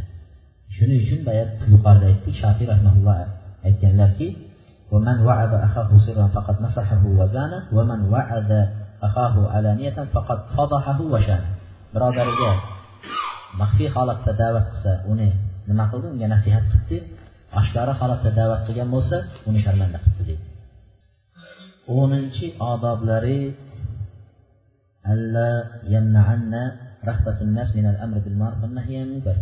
amri ma'ruf nahiy munkar qiladigan odam odamlarning qo'rqqanligi shuni to'xtatib qo'ymas kerak amri ma'rufini nahiy munkar.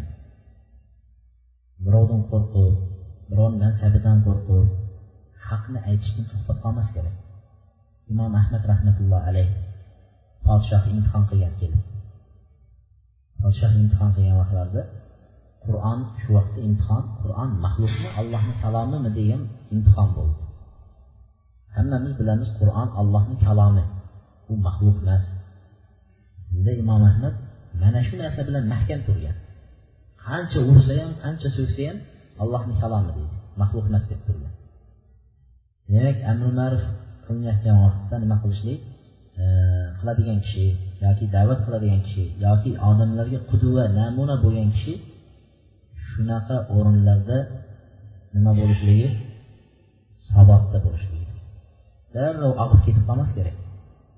Bunga bir misol keltiraylik sahobalarni hayotidan qanday sabotda turganligi. Abdulloh ibn huzofat sahamiy roziyallohu anhu. Payg'ambar alayhissalotu vassalom butun yer yuziga eng katta katta podshohliklarga islomga da'vat qilib birinchi xatni yuborganlarda olti kishini tanladi. Shu olti kishining biri abdulloh ibn buni kisro maliki furus foris podshohligi kisroga kisro degan eng katta podshohlik imperiya foris imperiyasi va rum imperiyasi bor. Eng katta dunyoni boshqarib turgan. Shunga jo'natadigan bo'ldi payg'ambar alayhissalom. U yerdan yo omon qaytadi yo kuni bitadi. Uyga kelib xayrlashib bola chaqasi bilan ahli bilan xayrlashib xatni rasululloh sollallohu alayhi vasallam xatni qo'llariga ushlab podshohni huzuriga ketdi. Kelganlarida podshohni horislari qorovullari podshohga nima maqsadda kelganini aytdi. Xatni olib kelinglar deganda shu xatni endi ushlayman deganda haligi odam qo'lingni tort dedi rasululloh sollallohu alayhi vasallam menga bu xatni qo'lma qo'l berishni buyurgan. Men rasulullohning amriga xilof qilmayman dedi. Qo'lma qo'l beraman. Shunda podshohga tarjimoni aytgan edi mayli olib kelsin dedi. Qo'liga tutqazdi. Shunda o'qib ko'rdida men muhammad rasulilloh ila maliki azimi furs podshoh muhammad sallallohu alayhi vasallam allohning elchisidan foris kattasi bo'lgan podshohi kisroga deb yozilgan. Edi birinchi payg'ambar alayhissalom o'zini ismi bilan boshlagan. edi podshohni jahli chiqib ketdida meni qo'limni tagida yer yuzi mening qo'limni tagida deydida endi.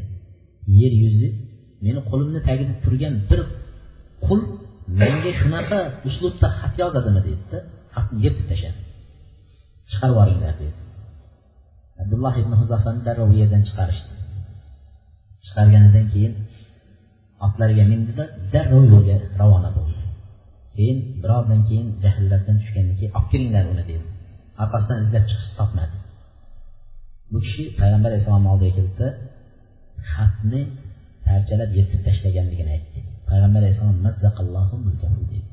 Alloh taolo uni mulkini parchalasin dedi. Keyin bu birinchi kimga borganligi eng katta imperiyalarni biri forsga endi rumga borganligi umar ibn hattob roziyallohu anhuni davrida hijratning o'n sakkiz va o'n to'qqizinchi yillarida nimaga bordi? Rum shahriga bordi. Bir g'azotda shu yerga qatnashdi. Shunda rum podshohi biz bundan avval kisroni hayotini yana ozginasini oxirigacha yetkazib qo'ysak shunda haligi kisro podshohi haligi foris podshohi kisro achchiqlari chiqdida yamandagi bozon yamanda bozon degan podshoh bo'lgan shu uni noibi o'rinbosari shunga buyurdi tez ikki odam jo'nating makkada shu madinada bir muhammad degan odam menga xat jo'natdi tez shuni meni oldimga olib kelsin deb jo'natdi ikki odam toifga keldi bozon yamanning noibi ikki odam jo'natdi. Toifga kelganlaridan keyin toifda so'rashgan edi makkalik quraysh kofirlari tijoratchilarga yo'liqib qolib shulardan payg'ambar alayhissalom so'radi. Ular sizlar kimsizlar? deganda biz forisning kisroning odamlarimiz deydi shunda haligilar yugurib makkaga kelib aytdiki muhammad alayhissalomga kisro eng katta podshohlik qarishi chiqayotgan ekan. Endi bo'ldi kuni bitibdi dedilar. Shundan keyin haligi ikki odamni madinaga yubordi. U kishi yasribda madinada dedi. Haligi ikki odam madinaga payg'ambar alayhissalomni izlab kelib topdi. Topganlarida sizni kisro talab qilyapti.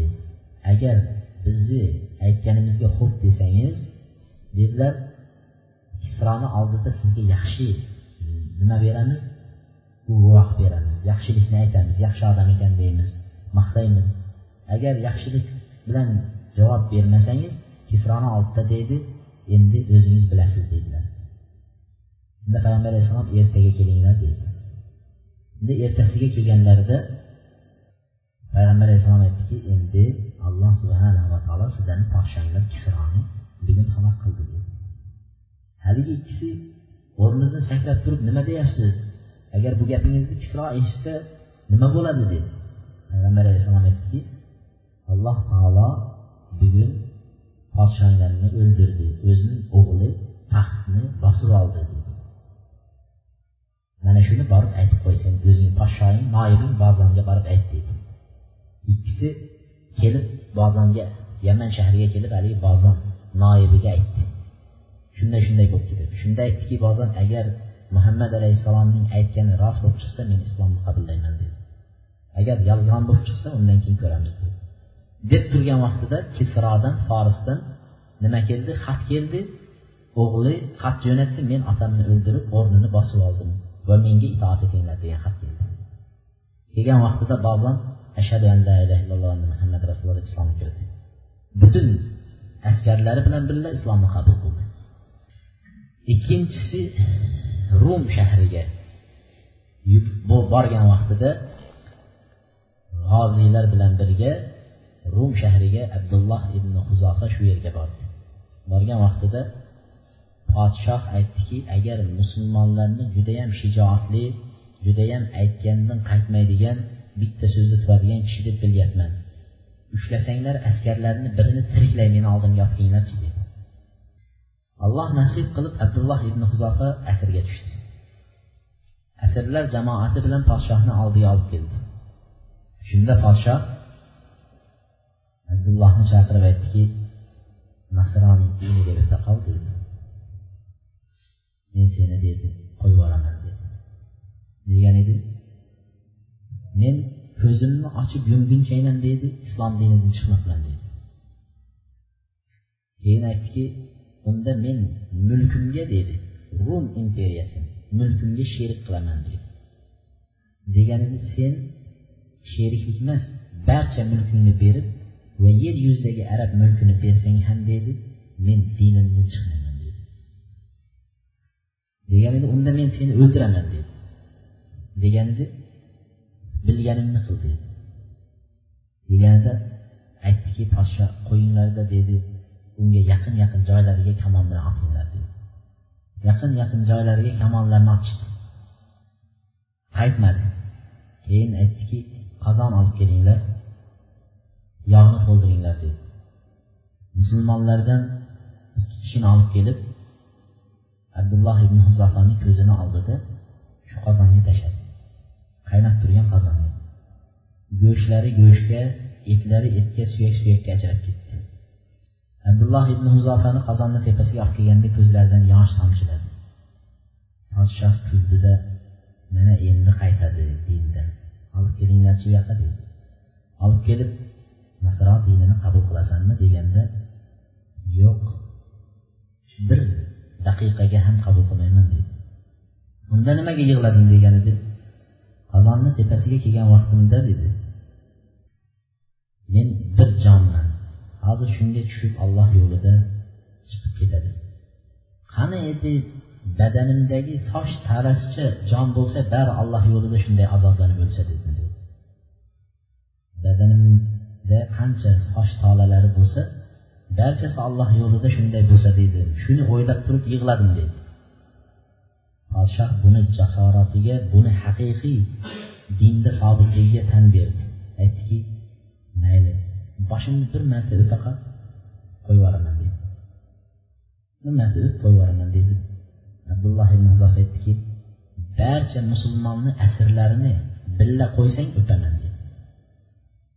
Mayli bari musulmonlarni asrini qo'yib yuboraman dedi? Boshini bir marta o'pdida hamma asrlarni olib chiqib ketdi shunda umar ibn hattob aytdiki musulmonlarga vojib bo'ldi abdulloh ibn huzofani boshini o'pish dedi abdulloh ibn huzofani boshini o'pish bundan aytishdan maqsad ikkita narsa.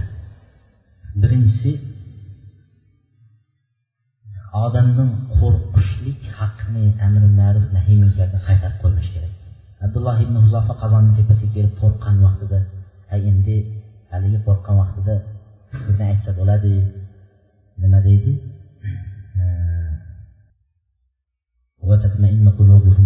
Haligi iymon iymon kufr kalimasini aytib qalblari iymon bilan to'la bo'lib turganlar degan tavillarni qilib turib misol ha endi mana shu yerda endi men ayta qolay bir minutga deb aytgani yo'q. Azon tepasiga kelib turib ham uni aytgani yo'q. Odamlardan qo'rqib haqni aytmay qo'yishlikdan allohdan qo'rqish kerak. Ikkinchisi abdulloh ibn huzofani qilgan hikmati. Hikmat shuki yo'q boshingni ham o'pmayman seni. Shunday rasvo insonsizmi sen?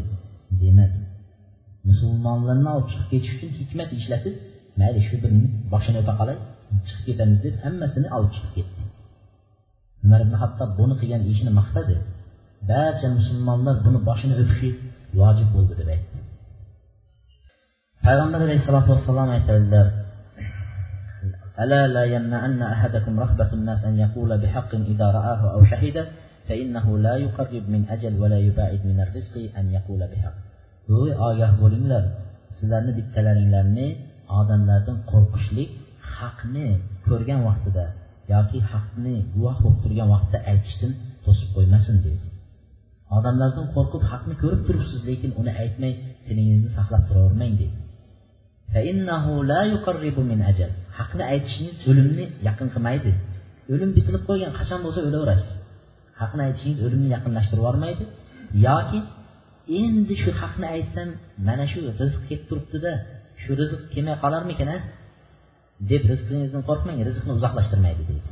Haqni aytishingiz deydi. Odamlar rizqi bilan qo'rqib haqni gapirmaydi. Birovdan foyda kelib turgan bo'lsa o'shani foydasiga gapiradi. Birovdan zarar kelayotgan bo'lsa shuni zarariga gapiraveradi. O'n birinchi odobi adamul inkar fil amril xilafiy xilof bo'ladigan ishlarda xilofiy ishlar mumkin shariatda juda ko'p masalalar ixtilafal ulama ulamolar ixtilof qildi bu masalada. Shofiy bunday deydi hanafiy bunday deydi molikiy bunday deydi ixtilof masalalar. Shunaqa ixtilofli masalalarda inkor qilib amri ma'ruf qilmas kerak. Bizani masjidlarga kirsangiz doim amri ma'ruf birinchi so'raladigan paypoqqa mashq qolsa bo'ladimi yo'qmi deydi. Yo shu to'g'rida amri ma'ruf ketayotgan bo'ladi. Nima to'g'rida amri ma'ruf desa paypoqqa mashq tortish to'g'rida ey aziz birodarlar bu ulamolar ixtilof qilgan narsalar umuman unga amri ma'ruf qilinadigan narsa emas. Shuning uchun payg'ambar sollallohu alayhi vasallam ahzob g'azotidan chiqqanlarida ahzob g'azotidan chiqqanlarida yahudlar madinadagi yahudlar xiyonat qildi. Ular payg'ambar alayhissalom bilan sulh qilgan edi ittifoq qilgan edi. Agar birov kelsa biz madinaga kelsa sizlarni himoya qilamiz sizlar bizni himoya qilasizlar deb ittifoq qilgan edi ahzob degani butun to'dalar jamoat degani butun makka toif va boshqa qabilalar barchasi jamlanib o'n ming askar yig'ib payg'ambar alayhissalomni yo'q qilib deb madinaga nima qildi? Tashlanishgan mana shunday kelgan vaqtida yahudlar aytdi endi bular madinani mana shu tarafida turibdi. Bizlar orqa tarafida turibmiz. Agar bizlar ham orqadan urush qilib urushsak ursak shu joyda nima qilamiz? G'olib kelamiz. Albatta g'olib kelamiz. Payg'ambar alayhissalom yo'q qilib yuboramiz deydi. Musulmonlarni yo'q qilib tashlaymiz deb turib sulhni buzib yahudlar sulhni buzib shu musulmonlarni orqa tarafidan zarba berishga harakat qildi. Payg'ambar alayhissalom haligi nima tugaganidan keyin ahzobdagi jangga kelgan mushriklar qaytib ketganidan keyin sahobalarga qarab sizlar kiyiminglarni yechdinglarmi deydi urush kiyimi ha degan edi men hali yechganim yo'q dedi va jibril alayhissalom ham yechgani yo'q kiyimini dedi. Va alloh taolo bani qurayza bani qurayza yahudlar turgan joyga borib borishlikni buyurdi dedi. La yusalliyanna ahadukum illa fi bani qurayza dedi sizlarni birontanglar asr namozini o'qimasin illo bani qurayzada o'qisin dedi bani qurayza shu joy makon qubo masjidini teparog'ida. Shunda sahobalar darrov yo'lga chiqdi. Yo'lda asr namozi o'tib boryapti. Shu yerda ixtiloflashdi. Aytdiki yarim aytdi asrni qazo qilish mumkin emas. Payg'ambar alayhissalomni maqsadi tezroq yuringlar tezroq borib shu o'qinglar deyapti. Maqsadi shu asrni qazo qilinglar degan emas. Asr o'qiymiz deb yarim o'qib oldi. Yarimi aytdi yo'q rasululloh o'qimanglar illo o'sha yerga yetib o'qinglar degan. Shu yoqqa borib o'qiymiz deb shu yoqqa borib o'qishdi. Payg'ambar alayhissalom ikkalasini inkor qilmadi. Ikkalasi durust tushungan ikkalasiga ham vajh tushunishga arzigulik vajh bor. Bu ham shunday tushunib bular o'qishdi. Bular bayag'inday tushunib o'qimasdan bani qurayzagacha yetib borishdi. Payg'ambar alayhissalom ikkalasiga nima qilmadi? Ayblamadi. Shunga o'xshagan bir ixtilofli masalalarda talashib tortishib amri ma'ruf nahiy munkar qilishni hojati yo'q. Misol uchun yana abi said hudriy roziyallohu anhuning hadisida payg'ambar alayhisalotu vassalom aytganlar shu e, abi said hudriy rivoyat qilyaptilar. Ikki kishi safarga chiqdi ikki kishi safarga chiqdi safarga chiqqanida safarda suv yo'q bo'lib qoldida tayammum bilan namoz o'qishdi.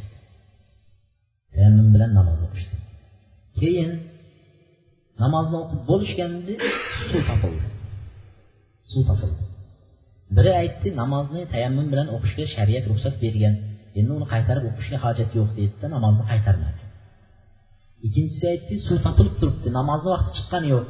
Qaytadan tahorat bilan suv bilan tahorat qilib namoz o'qib olamiz deb ikkinchisi tahorat qilib suvga namozni qaytadan o'qidi payg'ambar alayhissalomni oldiga kelib aytishganda mana shuni payg'ambar alayhissalotu vassalom aytdilarki haligi tayammum bilan o'qib qaytarmagan namozini qaytadan o'qimagan tahorat qilmagan kishiga qarab aytdiki sunna va ajzaatka solatik sunnatni topibsiz dedi namozingiz durust deydi sunnat shu. Tayammum bilan o'qisangiz keyin suv topilib qolsa qaytarib o'tirmaysiz. Ikkinchisiga qarab aytdiki lakal ajr marratayn dedi. Tayammum bilan o'qidi keyin yana tahorat qilib namoz o'qiganga qarab aytdiki sizga ikki marta ajr bo'libdi deydi ikkalasini shunday nima qildi? Hozir bizda bo'lsa agar biri tayammum qilib o'qigan bo'lsa biri masalan tayammum bilan yana tahorat qilib o'qigan bo'lsa ikkisini endi janjalini ko'ring. Domlalar ham mashg'ul o'zi ham mashg'ul mahalla mashg'ul masjiddagilar mashg'ul. Hamma shuni orqasida nima bo'ladi? E, mashg'ul bo'lib o'tadi. Shuning uchun alloh subhanaa taolo o'zi saqlasin. Bunaqa ixtilofiy masalalarda amri ma'ruf nahiy munkarni hojati yo'q. Ixtilof bo'ladi. Keyingi o'n ikkinchisi eng oxirgisi inshaalloh. Lekin amri ma'ruf nahiy munkarni odoblari juda ko'p bizlar zarurlariga to'xtayapmiz deb o'ylaymiz inshaalloh oxirgisi sabr amri ma'ruf nahiy munkar qilayotgan odam sabrli bo'lishligi sabrli bo'lishligi alloh subhanahu va taolo qur'onda إن الإنسان لفي خسر إلا الذين آمنوا وعملوا الصالحات وتواسوا بالحق وتواسوا بالصبر asrga qasam vaqtga qasam inson hammasi ziyondadir illo iymon keltirganlar va solih amal qilganlar va haqga vasiyat qilganlar. Amri ma'ruf nahiy munkar haqga vasiyat qilib va ozorlarni nima qilganlar? Ko'tara bilganlar sabr sabrga vasiyat qilganlar. Haqdan keyin nima keladi? Haqqa vasiyat qilgandan keyin ozor keladi. Shu ozorni ko'tarish uchun sabr bo'lishi kerak. Ozorni ko'tarish uchun sabr bo'lishlik kerak. Payg'ambar sallallohu alayhi vasallamga vahiy kelgan vaqtda hammamizga ma'lumi nima deydi? Haq tug'ganingga yoqmaydi deb qo'yadi. Haqni gapirgan vaqtingizda shunchalik ekan tug'ganingizga yoqmaydi. Endi begona odamga haqni gapirgan vaqtingizda qanchalik narsalar keladi? Tuhmatlar keladi. Bidatchi bo'lasiz. Noto'g'ri yo'lda yurgan bo'lasiz. Noto'g'ri aqlda yurgan bo'lasiz. Odamlarni buzayotgan bo'lasiz. Ish qilib butun tuhmat ustingizga kelaveradi. Haqqa gapirgan vaqtingizda yaxshilikka chaqirgan vaqtingizda payg'ambar alayhissalotu vassalomni amin deyishadi. Rostgo'y sodiq ishonishli hech yolg'on gapirmaydigan hakam johiliyatda ikki nima qabila urushib qolsa hukm qiladigan. O'sha kabani toshini qo'yayotgan vaqtida urushib qolishdi talashib. Kim hukm qiladi deyishdi. Shu eshikdan kim kirsa shu hukm qiladi dedi. Qarab turganda payg'ambar alayhisalotu vassalom eshikdan kirib keldi. Kirib kelganda radina dedi payg'ambar alayhissalotu vassalom bu kishini hukmiga hammamiz rozimiz deydi. Besh olti qabila talashib turibdi. Hammasi rozi. Bunaqa juda kamdan kam biri rozi bo'lsa biri rozi bo'lmasi mumkin. Lekin hammasi yaxshi ko'radi kelib payg'ambar alayhissalom ridolarini yechib toshni qo'yib hammanglar har tarafdan ushlanglar deb ushlab olib borib toshni o'rniga qo'ydi. Ixtiloflar ham ketdi. Adolatlik bilan judayam chiroyli hukm chiqarib qo'ydi shu yerda. Mana shunaqa hamma rozi bo'lib turgan kishiga vahiy kelgan vaqtida vahiy tushgan vaqtida payg'ambar alayhissalom hayron bo'lib nima bo'ldi ekan? deb turganda hadija onamiz varaqat ibn navfal degan kishini huzuriga yetaklab bordi. Yetaklab borganda nima bo'lyapti sizga? deydi mana shunday mana shunday narsalar degan edi. Qani edi? Sizni qavmingiz quvib chiqargan vaqtida men yosh bir o'spirin vaqtim kuchga mingan vaqtim bo'lganda sizga yordam bergan bo'lardim deydi. Payg'ambar alayhissalom aytdiki qavmim meni hali quvdan chiqaradimi? dedi. Deganda siz olib kelgan narsani biror payg'ambar olib kelmadi illo olib kelsa ham qavmi uni nima qildi? Chiqardi deydi. Quvib chiqardi deydi.